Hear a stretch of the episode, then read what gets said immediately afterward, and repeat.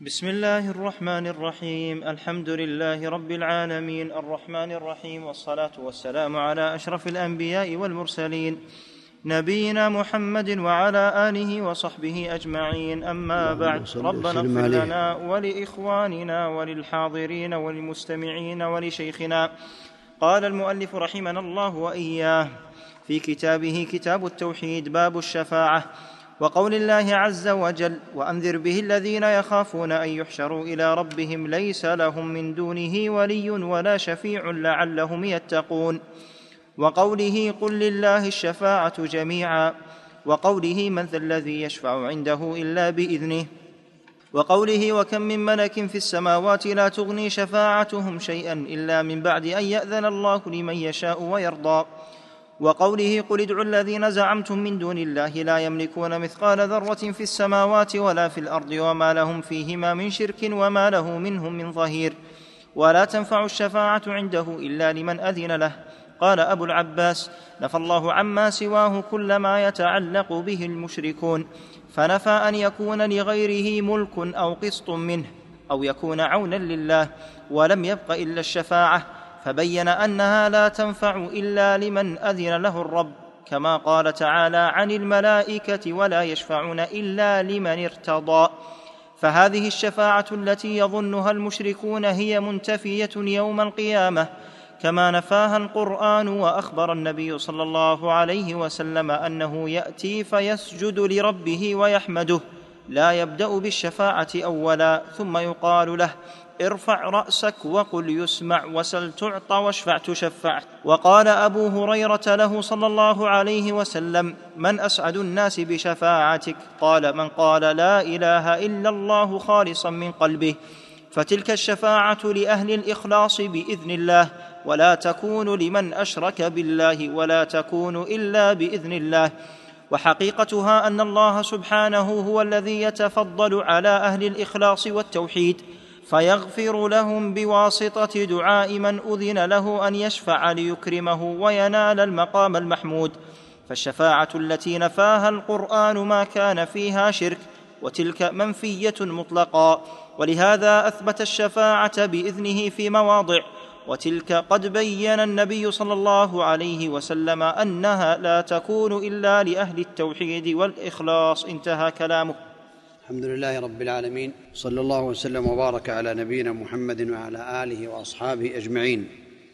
أما بعد ذكر المؤلف رحمه الله تعالى الشفاعة في كتاب التوحيد لأن المشركين الذين يعبدون غير الله تعالى من الأصنام وغيرها يقولون إنهم شفعاء لهم عند الله تعالى وهم يشركون بالله سبحانه فيها بالدعاء.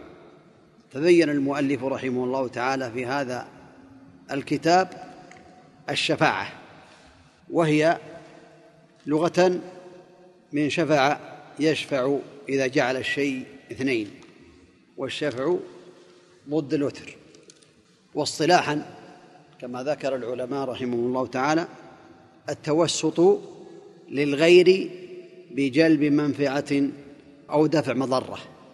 وأيضا يقال سؤال الخير للغير من دفع ضر أو جلب نفع. والشفاعة أقسام. القسم الأول الخاصة بالنبي صلوات الله وسلامه عليه وهي ثلاثة أنواع. النوع الأول الشفاعة العظمى وهي المقام المحمود وأن الناس يوم القيامة يأتون إلى الرسل أولي العزم يأتون إلى إبراهيم عليه الصلاة والسلام ثم يأتون إلى نوح ثم إلى موسى ثم إلى عيسى ثم إلى النبي عليه الصلاة والسلام.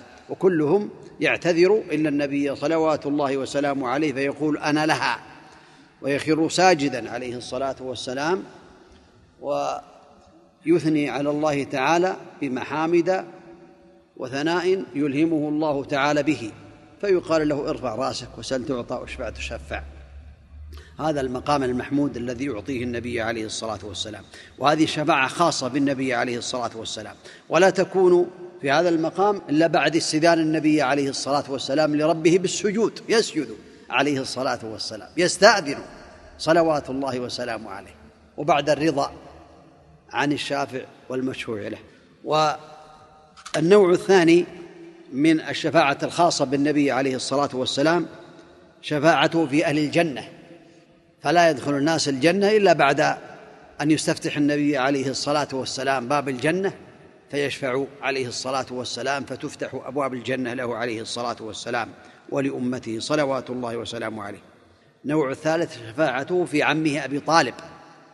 فإن الله تعالى لا يقبل الشفاعة في الكافرين. ولا تنفعهم شفاعة الشافعين. إلا أبا طالب فإن الله تعالى أعطى النبي عليه الصلاة والسلام الشفاعة فيه. فشفع فيه عليه الصلاة والسلام فقبل الله شفاعته فخفف عنه العذاب. فهو في ضحضاح من نار يغلي منه دماغه. نسأل الله العفو والعافية. تخفيف لنصرة النبي عليه الصلاة والسلام لأنه نصر النبي عليه الصلاة والسلام وشد من أزره عليه الصلاة والسلام. ولهذا قبل الله شفاعته في التخفيف. قبل الله شفاعته في التخفيف عنه من العذاب. وليس ذلك لأحد من الناس من الكافرين مطلقا إلا لأبي طالب. هذه الشفاعة الثلاث خاصة بالنبي عليه الصلاة والسلام. وهناك شفاعات أخرى غير هذا يشترك فيها النبي عليه الصلاة والسلام والأنبياء والملائكة والصالحون والأفراط وغيرهم. ومن هذه الشفاعة الشفاعة في من أستحق النار ألا يدخلها والشفاعة في من دخلها أن يخرج منها أي من العصاة. والشفاعة في رفع الدرجات لمن شاء الله تعالى من أهل الجنة. وهذه يشترك فيها النبي عليه الصلاة والسلام وغيره من الأنبياء والأفراط وغيرهم. وهذا من فضل الله تبارك وتعالى على عباده أنه يقبل الشفاعة لمن أراد الله تعالى قبولها له ولكن هذه الشفاعة لا تقبل إلا بشرطين. الشرط الأول إذن الله تعالى للشافع كما قال الله تعالى في كتابه من ذا الذي يشفع عنده إلا بإذنه.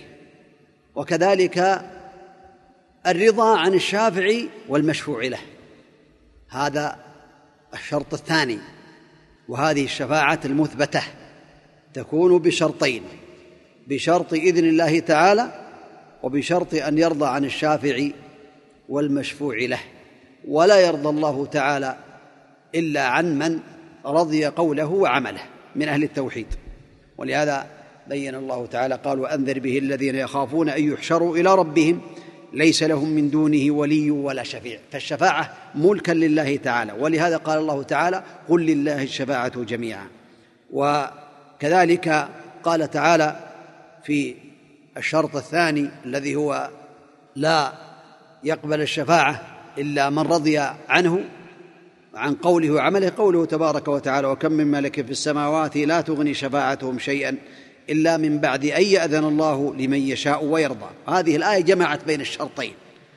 ولا شك أن الشفاعة لا تكون إلا لله تعالى فهي ملك لله تعالى. يعطيها من يشاء فإذا أردت انت الشفاعه أيها العبد فلا تقول يا فلان اشفع لي عند الله الميت أو الحي إلا أنه يقال للحي ادعوا لي يا فلان لا بأس. إذا كان حاضرا صالحا قادرا قل ادعوا لله.